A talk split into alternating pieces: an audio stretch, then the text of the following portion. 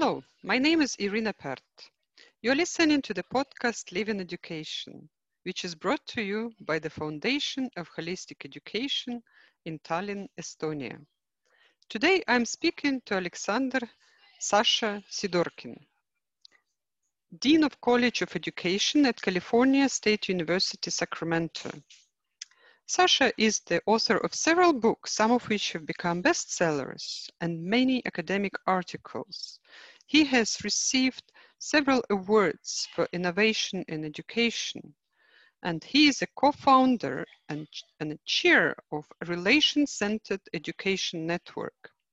Thank you very much for agreeing to meet with me. I would like to ask you about your story, about your journey. Sure, happy to talk. Um, so yeah, I you know I was I'm from from Russia. grew up in uh, Novosibirsk, in the city of Western Siberia. Uh, that's where I went to my first uh, teachers college, and I, I, was trained as a history teacher first. Um, then I was uh, attending a graduate school in Moscow and got my degree there in education, um, sort of youth development and education. I guess. And then um, then I went to the U.S. studied in Indiana. I got a master's degree in peace studies, uh, and then after that I got a PhD at the University of Washington in Seattle uh, in philosophy of education. So that's basically the story. I came to the U.S. in 1991 as a foreign student, as an international student, and then kind of got stuck there and stayed longer and. Uh, worked at um, uh, six different universities in the US. And now I'm in California, in uh, California State University at Sacramento, and I'm a dean of the College of Education at, at this university. So that's basically a, a, short version of my story. So, so your university, um, your department trains teachers who then will go and work in, in American schools. Yeah, so a college education, uh, we have a number of programs, not just teachers, but the teachers, the, the main kind of I guess, staple that we have. But we also have an undergraduate degree in child development, uh, child psychologist, I guess. We also have graduate programs at master's level for school principals, for uh, school psychologists, school counselors, and uh, literacy specialists, and, and some others. And then we also have a doctorate degree for um, leaders in, in public education. Um, yeah, it's a large, relatively large college, but yeah, uh, teacher training is the main thing that we do. Right. Um, so um, I understand that uh, your background is mainly in, in uh, educational theory, and uh, the um, volume of, of your of your work of your publications is is truly impressive. And uh, I uh, found it you know your um, books and, and articles uh, extremely uh, um, challenging intellectu intellectually challenging. So um, my um, questions would be related to some of the themes from, from your work, uh, but um, I apologize if, if I um, didn't study it very thoroughly. So, but perhaps we could start with um, one theme which is um, uh, quite uh, central for, for your um, for your theory. It's uh, relational uh, pedagogy or relational education. Um, so maybe you just say a few words um, or why you think uh, um, this approach is, uh, is, is necessary. So why do we speak about uh, uh relations in the sphere of education? Hmm. Well, I, I actually started, uh, I'm a philosopher of education by, by my degree, by training. So I actually started with the concept of dialogue. I was fascinated by the works of uh, Martin Buber, who's a, uh, a Jewish philosopher and, and uh, who was writing in German, and then also Mikhail Bakhtin, who is a Russian literary theorist. And they both had the different versions of the theory of dialogue, um, which I just found appealing, and I thought it would explain a lot about how education works. And then expansion of that kind of extension of the same concept into a broader set of uh, phenomenon and education led me to this notion of um, relational pedagogies or relation-centered education. And the reason I think we need that concept uh, is not because it's fancy, but because we have uh, a number of mysteries in education that uh, we don't understand. And I think the reason for that is that we are missing a, an important concept of it, relations in particular. Um, so the mystery is that, uh, I mean, the one obvious mystery is that education is refusing to change. You know, there's been many attempts at reforms and they were, uh, you know, everybody was trying to kind of, almost every country in, in the world has some, some one version or another of educational reform. And they do create some results, but nowhere near to what the authors of the reforms actually have in mind. Um, so somehow stubbornly refuses to change. And I think if something refuses to change, that's a signal that we don't understand the thing that we're dealing with. And uh, in my view, the uh, focus on relations rather than on behaviors uh, is what will kind of that, that helps us to understand and explain education better.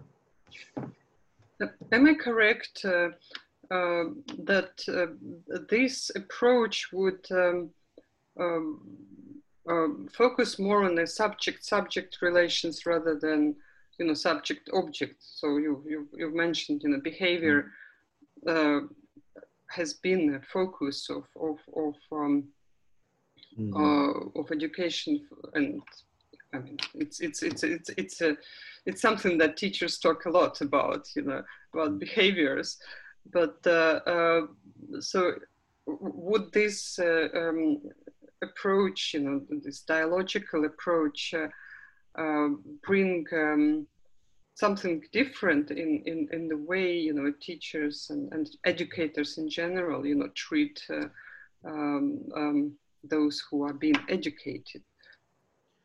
Right. So I think that in education, there's been for many decades or maybe hundreds of years, there was an attempt to kind of establish some rules. Like if you do this, then there will be that will be the result. And unfortunately, it doesn't work that way. I mean, you can do the same thing as the person next to you does. And in his or her classroom, it works, and in yours, it doesn't. So that's a basic kind of uh, fundamental. If you know anything about education, you will know that's the case. There is no way to really take somebody's exact things that they do and translate into another context. So, and the way to explain away that explain that away is we, we usually say, well, it's complicated or you have a context or it's complex situation. Well, to say it's complex thing is to say, um, I don't understand how that works. So I think, um, so when you focus not on what to do, but how, rather what kind of relations to build with students, that gives you a different kind of reality that you can um, put your practice against. Um, and also at very simplistic level, I mean, just go to any bookstore and find this.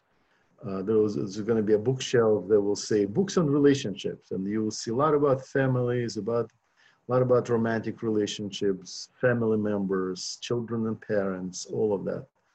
And you will find nothing about relationships between uh, teachers and students or relationship in a classroom. Somehow we manage not to see it. Um, but actually experience the really good teachers, they know that that's key. I mean, they they can call it different ways. It doesn't have to be called relationship, but they know that you need to first establish some sort of a, um, trust or relationship or some sort of connection with students. And only then, after that, you can expect them to learn and to be uh, polite with you and not to break the rules and something like that. Um, and I think many naive uh, teachers who will just start, they will expect kids to just love automatically whatever their subject is. You know, if I love math, I will just expect everybody to fall in love with math. Well, that's not how it works, you know. Uh, there's sometimes some some kids actually have very deep, innate early experience for whatever subject matter, but most people don't do it that way. Learning is learning is very profoundly uh, social activity. You actually need somebody else to learn with um, and also somebody who will give you a reason to learn. Without that, I think education doesn't work. So it's really this kind of a you need to create very strong foundation, which is relational. And then on top of it, you can paint whatever picture of learning or subject matter mastery or anything else that you want. But if that foundation is missing, uh, nothing is going to work. Um, thank you very much. Um, I, I, read in one of your articles that you, you compared um, um this model of um, relationship, uh, not necessarily in education, but speaking of, of um, uh, a dialogue uh, to the uh, Christian Trinity, so mm. Trinitarian model. And um, so I uh, I was wondering, uh, you know, where did it come from? So why did you um, look at, uh, at, this particular model? So Bakhtin didn't write about it, but uh, mm. somehow you, you you found it uh, uh, useful. Well, yeah, I mean, I, I like to read weird books uh, nobody else have read. So if you do that, then uh, nobody can argue with you because they haven't read it. so, uh, and I think uh, the, the, the, reason I picked Bakhtin because he was fairly not, uh, not well known in educational theory when I started. Now it's a different story. It's been 20 years.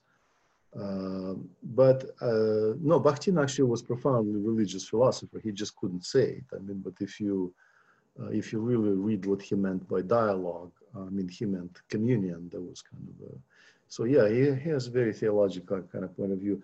So the reason I use sometimes um, sort of church fathers as philosophers is because I think it's a, it's an interesting philosophical tradition that was largely forgotten. I think some of the some of the Western church fathers are well known, like Saint Augustine and and and others.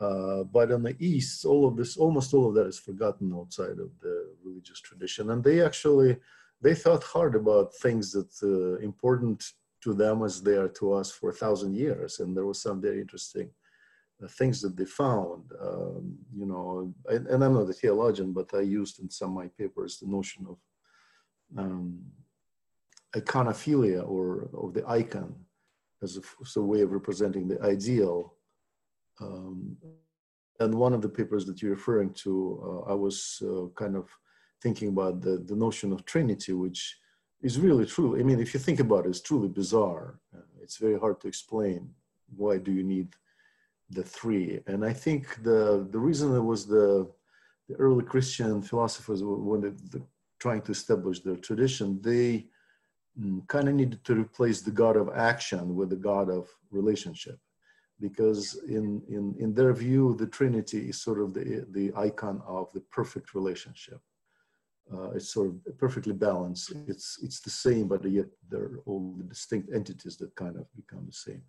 So that was, uh, so when you, um, of course, there was, there was sort of the deep philosophy. I don't know how popular that, that notion became because, you know, church was always consisting of uh, philosophers, but also common people. They may not get all the nuances of that theological concept, but I think the, the Trinitarian thinking is really thinking about uh, having ideals in the realm of relationship rather than in the realm of actions. Um, so, and uh, Bakhtin actually had similar thoughts as well. He he kind of pointed out that the in in a dialogue uh, the process is everything. The end result of it is really not that important where you get, but it's sort of uh, in his uh, his version there was a notion of polyphony, and polyphony in music is when you have distinct distinct melodies, several of them, but when you hear them all at the same time, they create harmony.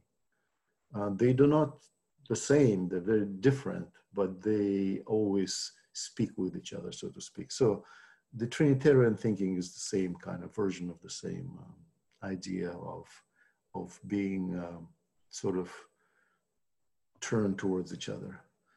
Um, like, uh, so Bakhtin, his theory of truth, and he, he would say things like, uh, truth is something that cannot be spoken with, with one voice. You need at least two, uh, sometimes more voices to convey the truth because truth is not a statement, but it's a polyphony of several different voices that sound at the same time. So very, very different notion of uh, truth. Yes, it's it's it's fascinating, and uh, uh, especially that you uh, mention uh, uh, in, in, in this um, uh, work, which I, I referred to John Zizioulas, who was extremely mm-hmm. influential theologian um, of this of the 20th and 21st century.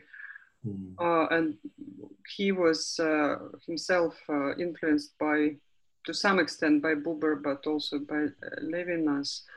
I'm not sure if he read uh, Bakhtin, but um, I guess you know he came uh, to some conclusions as, as, as Bakhtin would, and his notion of communion was very important uh, mm. for for theology. Uh, but um, what I wanted to um, mm, ask you is this uh, um, notion of equal um, voices. Uh, um, so if we if we apply this to education, so we um, uh, see the relationship between uh, teachers or educators and the educated as as this kind of polyphony, as this relationship uh, of uh, uh, equal persons, um, subject to subject.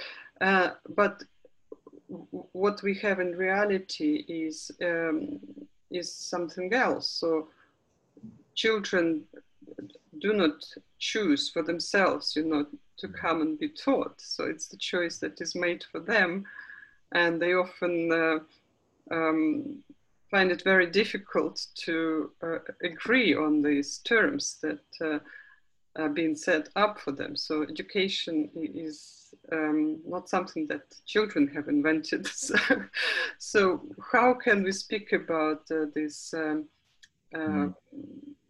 Relationship of equal um, persons who kind of complement each other in the context where you have not equal parties? Well, this is an excellent question because I think that kind of represents the main dilemma for education. And uh, I, I, have to say right away that I, I think Buber got it wrong. He, um, he made a mistake. Um, and I think uh, there is also some evidence that Bakhtin actually read Buber. Um, I mean, he doesn't mention it, but in one of the interviews, he said that, yeah, he was influenced by Buber's book, which was written, I think, in 1921 or something like that. But anyway, the, here's where Buber went wrong. Uh, you know, uh, and he understood the limitations of his own theory. Um, there was there's a very interesting uh, famous dialogue or conversation with uh, Rogers, the famous humanistic uh, psychologist, where they talked about therapy. And Buber said that you cannot have a dialogue with your patient. And then Rogers was kind of taken aback and said, no, no, no, that I can, you know, I know that. Anyway, um, so I think what Buber did right is he established the importance of relationality of relations as such, like they're fundamental to human existence.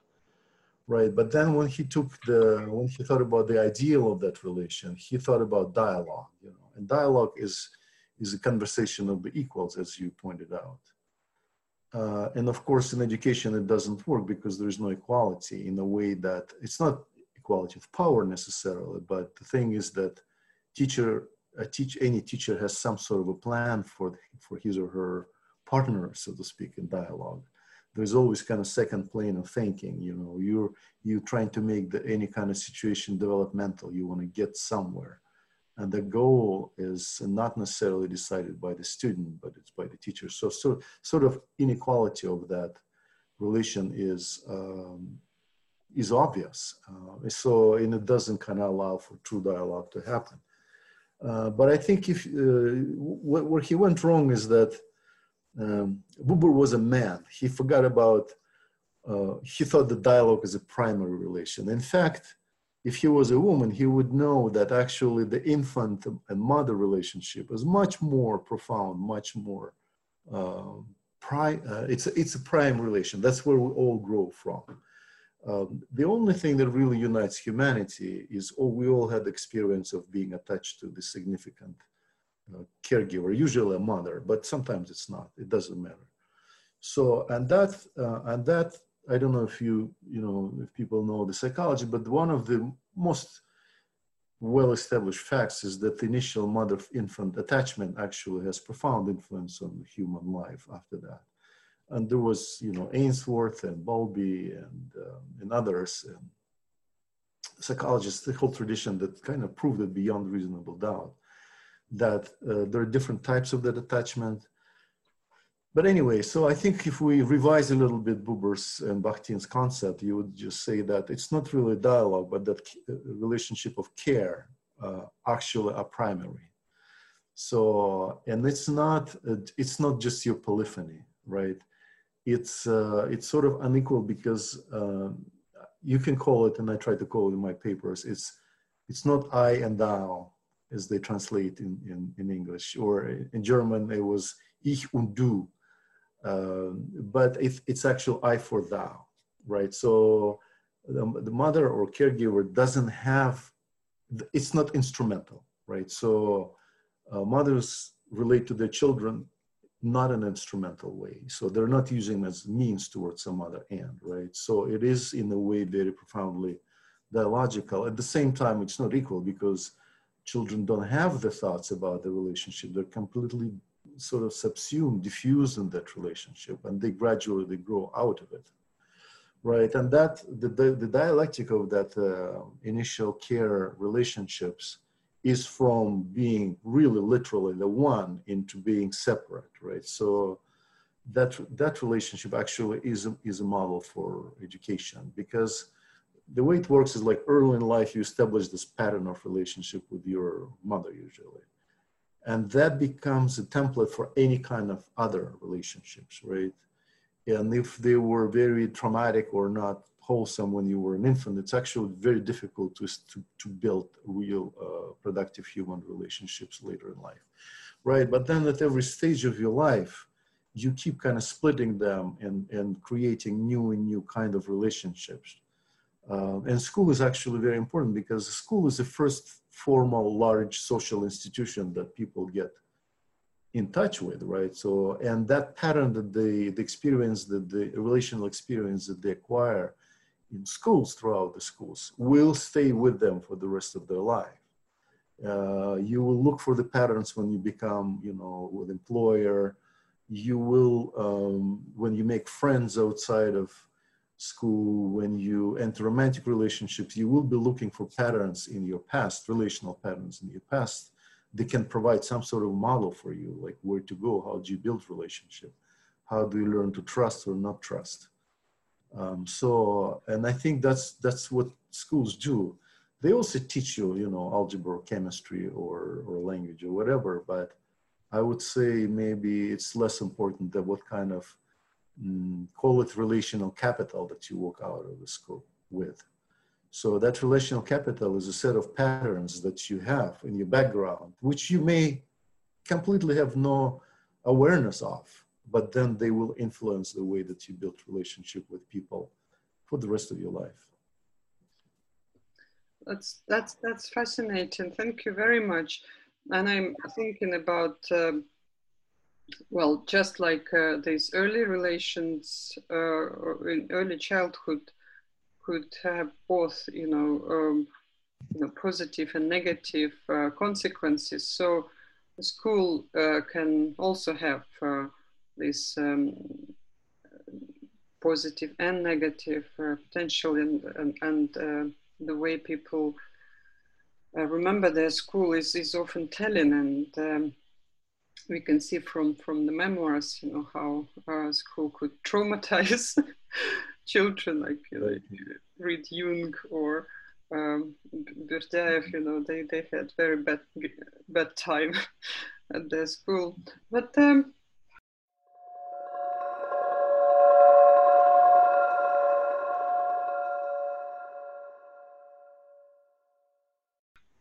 I um, um, wonder if you could uh, maybe um, say a few words about uh, what you mean by uh, labor of learning, uh, because you um, uh, write about um, this uh, labor, you know, what children do at school as, as, as a unrecognized, you know, area of, of, of children's, you know, work and hard work, and which doesn't really have, you know, tangible, visible results uh, in, in, kind of in economic terms. And uh, so we, my, my, my son uh, asked me, you know, there are so many, you know, people who actually did quite well without the school and uh, uh, there is no real direct connection between uh, the, the, the, school and, and the future life. Well, so it's very difficult to convince him, you know, why he has to put up with so many hours of learning if he thinks that you know there are um, different role models you know like sportsmen or you know founders of some uh, internet uh, um, startups you know who um, uh, drop out of school. So, but I think coming back to your point, like, how, what can we do to, to kind of recognize this, you know, ch- children's um, contribution to um, learning and their, their labor? Well, um, I have to tell your son that uh, statistically speaking, he's completely wrong. You know, whoever, whatever, whoever he knows as an exceptions, if you compare with uh, sort of numbers for one of this exception, there would be 10,000 people who are not exceptions. Your level of education is very directly proportional related to your lifetime income. And that's, there's a whole human capital theory that started in 1950s and 60s. And it's been empirically tested in many countries, in many contexts. It's always the same thing the more education you have, the better off you will be in your life, the more formal education you have. Uh, despite all the stories about it, exceptions. Um, like it's nobody really arguing that point anymore. Uh, it's just, it's just proven. Now, and of course that, that educators don't know much about it, but if you, uh, if you were talking to any kind of educational policymakers, then the governments actually in contemporary world, they are operating on the assumptions of the human capital theory, which I just explained. They consider education as an investment in future economic growth. Um, and so when, when I realized that I, I was trying to kind of uh, create a little bit of a critique of that uh, theory, and that's why I came up with the notion of, of uh, um, learning as labor.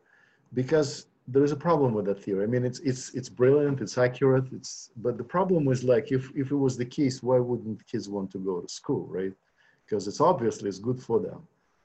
Um, and then of course because they I think they I don't know I don't want to go into much detail here, but I think the theory measures incorrectly their contribution. They're actually depending on your life outcomes, you may be um, like if, if you stop your education at high school level and don't go any further, in fact, you contributed to the society more than you get back.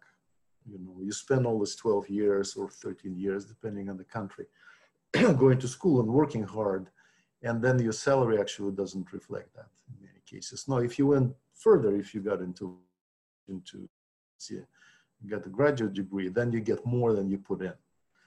Um, so that's kind of what it is. But also uh, another part of the theory that I was trying to critique is that because it's labor, um, in economic terms, labor is different from leisure. And I think we're trying, sometimes educators trying to be naive and say that, oh, it's just fun, you know, you should learn for fun. No, you can't because learning is learning and fun is fun. Education is not leisure, for sure. So there is some sort of a compulsion. You have to kind of come compel kids to do that. Uh, and of course, um, in the past, when we had the sort of schooling, schooling for the elites, for very few, that wasn't the problem because you kicked everybody out and then the 1% stayed there because they were under threat of expulsion. Once you move to a mass schooling, that mechanism doesn't work anymore. And there's actually, I mean, if you work in schools, and I'm sure you know you, you you work at school, you know that there is absolutely nothing you can do to these kids if they don't want to learn with you. We have no means. We can't beat them up. We can't lock them up. We can't kick them out of schools. There is nothing. So, yeah, and I sorry to put it in this harsh kind of uh, light, but I think people who are non-teachers don't understand that, how little actual influence we have over our students. Um, so, and the only way to kind of provide that motivation for them is actually, you know, if you look at it a little cynical, I guess, uh, light, a relationship provides um, uh, another form of compulsion, right? So, and a very simple example, like you, if you if you like or respect your teacher, you will do your homework not because you love the subject, because you don't want that person to get upset. It's very simple, right? So, but to get to the point where kids actually care if you're upset or not, that's the main work that educators should do. So you can only do it when there is a strong kind of relational basis for that. Uh, you know, here's an example, like if you work, you know, in, from your family. So if you ask your uh, son or daughter, could you take out the trash, right? So why do they do it, you think? Well, because they don't want to upset you, right? I mean, it's not like they love taking out the trash, but because, you know, you have relationship with you, they get something from you, you get something from them. Uh, and of course, it's a, that's why we say, sure, I'll do it for you, because we have that relationship. It's exactly the same in school. So when there is a strong kind of relationality, the kids don't want to get their teachers upset or or angry with them, and they comply. And if they don't, then there is no nothing else. There's nothing else that could make kids learn other than uh, some respect, some modicum of respect for their teachers. Should students be rewarded for, for, for their learning? right. Yeah, I thought so at some point, and I actually changed my mind. I just um, there was um, since I wrote that book, there was empirical evidence that came out. Um, um, I blank out on the name of the researcher, Harvard economist, who actually tried experimentally to pay kids to learn. It didn't work that well. Um, so, and he tried several models, and none of them actually was very successful. So, I think I was probably wrong that that kind of monetary compensation uh, money play different, very different role in kids' lives than they are in adult lives. So they're motivate, they can motivate adults, but money is not a good motivator for kids. It turns out to be. Like I said, I was wrong on that point. Well, that's that's that's a good news for us then. so there are um, uh, other less expensive ways to motivate our children. Uh, what is your um, uh, attitude to um, assessment. Um, uh, I don't know how it's in, in the States, but um, in Estonia, the, the idea of formative assessment rather than uh, formal grades uh, is uh, picking up and uh, is mm. being implemented in many schools. So the assessment is becoming less of a you know, scholar, you know, the numerical one, but more yeah. of a a kind of um, narrative feedback and uh, self-analysis plus you know the feedback from the teacher and uh, so do you have any um, uh, opinion or um, research on that? Well there's a there's a little bit of a i guess schizophrenia about that because pedagogically speaking uh, formative assessment of course is much more useful because by the time you get the final test, it's too late. You know, you can't use these materials. You know, kids learn whatever they learned. Um, but this, this sort of administrative accountability system is built on summative assessments on this high stakes standardized tests at the end of the whatever year or the end of schooling. So, and of course, because uh, in some, the, the accountability regimes vary and sometimes they're stricter and sometimes they're less so. Uh, but if they are very strong, they definitely um, has have the side effects. Uh, first of all, if you use standardized tests, there is a high stakes standardized tests as a main measure of quality of education. It really backfires at you. First of all, because the curriculum is broader than your tests. So once your tests become very important, then the, your curriculum narrows, kind of shrinks teachers start teaching towards this specific test only. And that's not good for either country or the economy or for development of children. Um, and then um, and then the second part was like the, it's very difficult to design those tests that they're not biased to a group of kids because they're not a perfect um, they're very narrow kind of window into the kids cognitive abilities. Very very tiny. It's like looking for the whole world through a peephole right? So you see something and it's it's better than seeing nothing.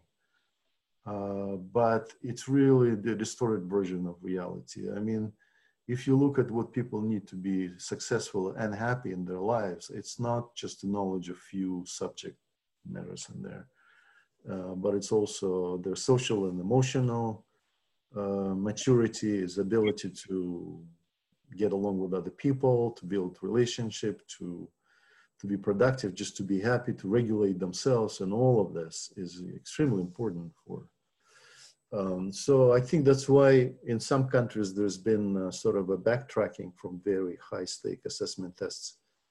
Um, but unfortunately, we don't really have anything yet to replace them with because you kind of need to have accountability you know um, like developed countries spend anywhere between 5 and 8 percent of their gdp on education. Those are huge amount of money. So if you just say oh don't test us trust us we'll just do something with your kids. Give us all this money and and we will it's also not very mm, very realistic position. The public will always want some sort of accountability. They will want to know how you're doing. Um, so, and it's it's difficult because we need to provide some other measures by which uh, people can look in, schools and say, yeah, you're doing a good job or not. You're not doing a good job. Um, so, like I said, tests a very perfect instrument, but it works. You know, it's relatively cheap. It's relatively objective, more or less objective. Uh, and then people forget that this is all the other problems. So yes, I, I'm all for uh, for formative assessment. That's really, I mean, if you if you care about children, you should really make emphasis on formative assessment. Give them some feedback, make them um, let them improve rather than punish them with whatever grades. Thank you, thank you. That's that's um, very good to know. Um, um maybe I would go to our um, final question uh, or maybe last area to discuss, uh, although I, I, I, feel like I want to uh, ask you more than um, many more questions. Um, so the last few months uh, have uh, made a huge uh, impact on, well, everything and education including and this very um, abrupt transition to um, uh, or distance uh, uh, teaching was for many schools um, new experience. again, referring to, to, to, one of your work, you know, you you, you write about um, carnival, carnivalesque as a as a way to um, produce some kind of temporary chaos. So I, I wonder what you think about uh, the role of uh, COVID uh, in in producing this kind of temporary chaos. To, do, do, do you think it, it had any uh, any of these effects, and and how would you, in generally, you know, evaluate the, the impact on uh, on on on teaching and learning? Yes, the, the carnival is is one of the Bakhtin's concepts. Um, he basically said to kind of open this, to create the opening for human relationship or dialogue to occur, you need to break up the rigid social structure sometimes. And that's what he called carnival. Um, so, but no, I mean, the COVID situation is too long for carnival. Um, mm. It's really too much chaos.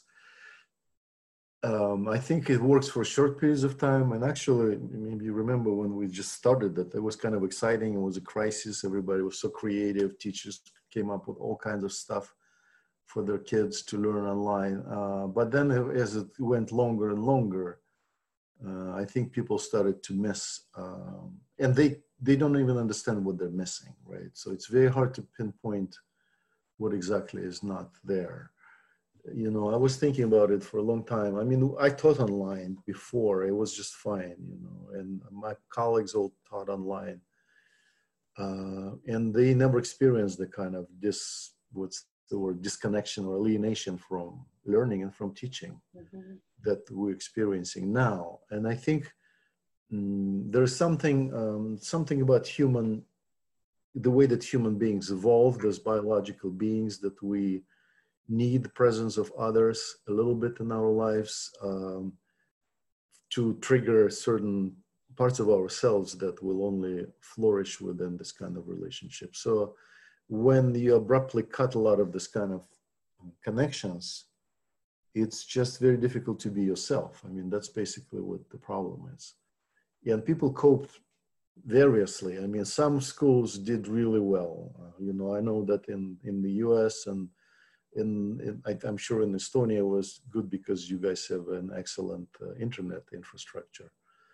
But in, in parts of Russia like Moscow, there it's the same, they're doing fine, right? So in terms of formal learning, there was actually created something, but still people, both students and teachers complain about the strange symptoms of being very fatigued for no reason at all. Um, people are not happy with doing so. Maybe learning is going on, right? But uh, I think we we didn't become happy. And there were some enthusiasts of online teaching that thought, okay, after this one, schools will disappear and uh, people will just learn online and it's just foolish. I'm sorry. Don't believe anyone who says that. I mean, the minute schools open, the kids will flock back and be happy to be there. Um, eh, you know that death of schools been uh, forecasted for you know a few hundred year, years. Every ten years or so, there was end of schooling, and yet somehow they come back. Uh, and I think the reason they come back is just we can build relationship through online medium, but it's very time consuming and very hard because we're not wired that way. We're wired for face-to-face communication. You can, again, you can do it. It's just not everyone can do it and it takes a lot of energy. So yeah, my uh, prediction is that uh, some things will probably change after this, but you know, the most important part of the human interaction will just go come back again. And it will probably be valued even more than it was valued before. Right. Well, that's um, um, uh, probably a very good um, uh, way to stop our interview uh, and uh, to um, uh, look forward um, to beginning of the school year. And uh, so I guess you know we're looking forward also to to your new work uh, and maybe some reflections on on the way the, this crisis proved that relationship is important, and so relational pedagogy um, is something that we we all should think about. So thank you very much uh, for your time, for your you. uh, uh wonderful ideas, and uh, so I hope we will continue in the future. Okay, thank you. It was a pleasure talking to you. Good questions. So. Bye.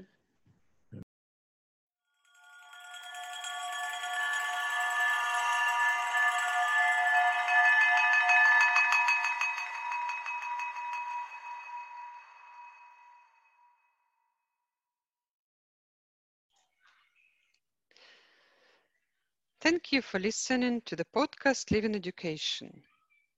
This podcast has been brought to you by the Foundation of Holistic Education that has been created by the School of St. John in Tallinn, Estonia.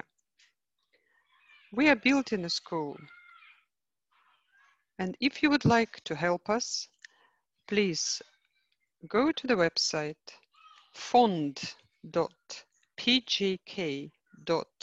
fond.pjk.ee slash donate Thank you very much.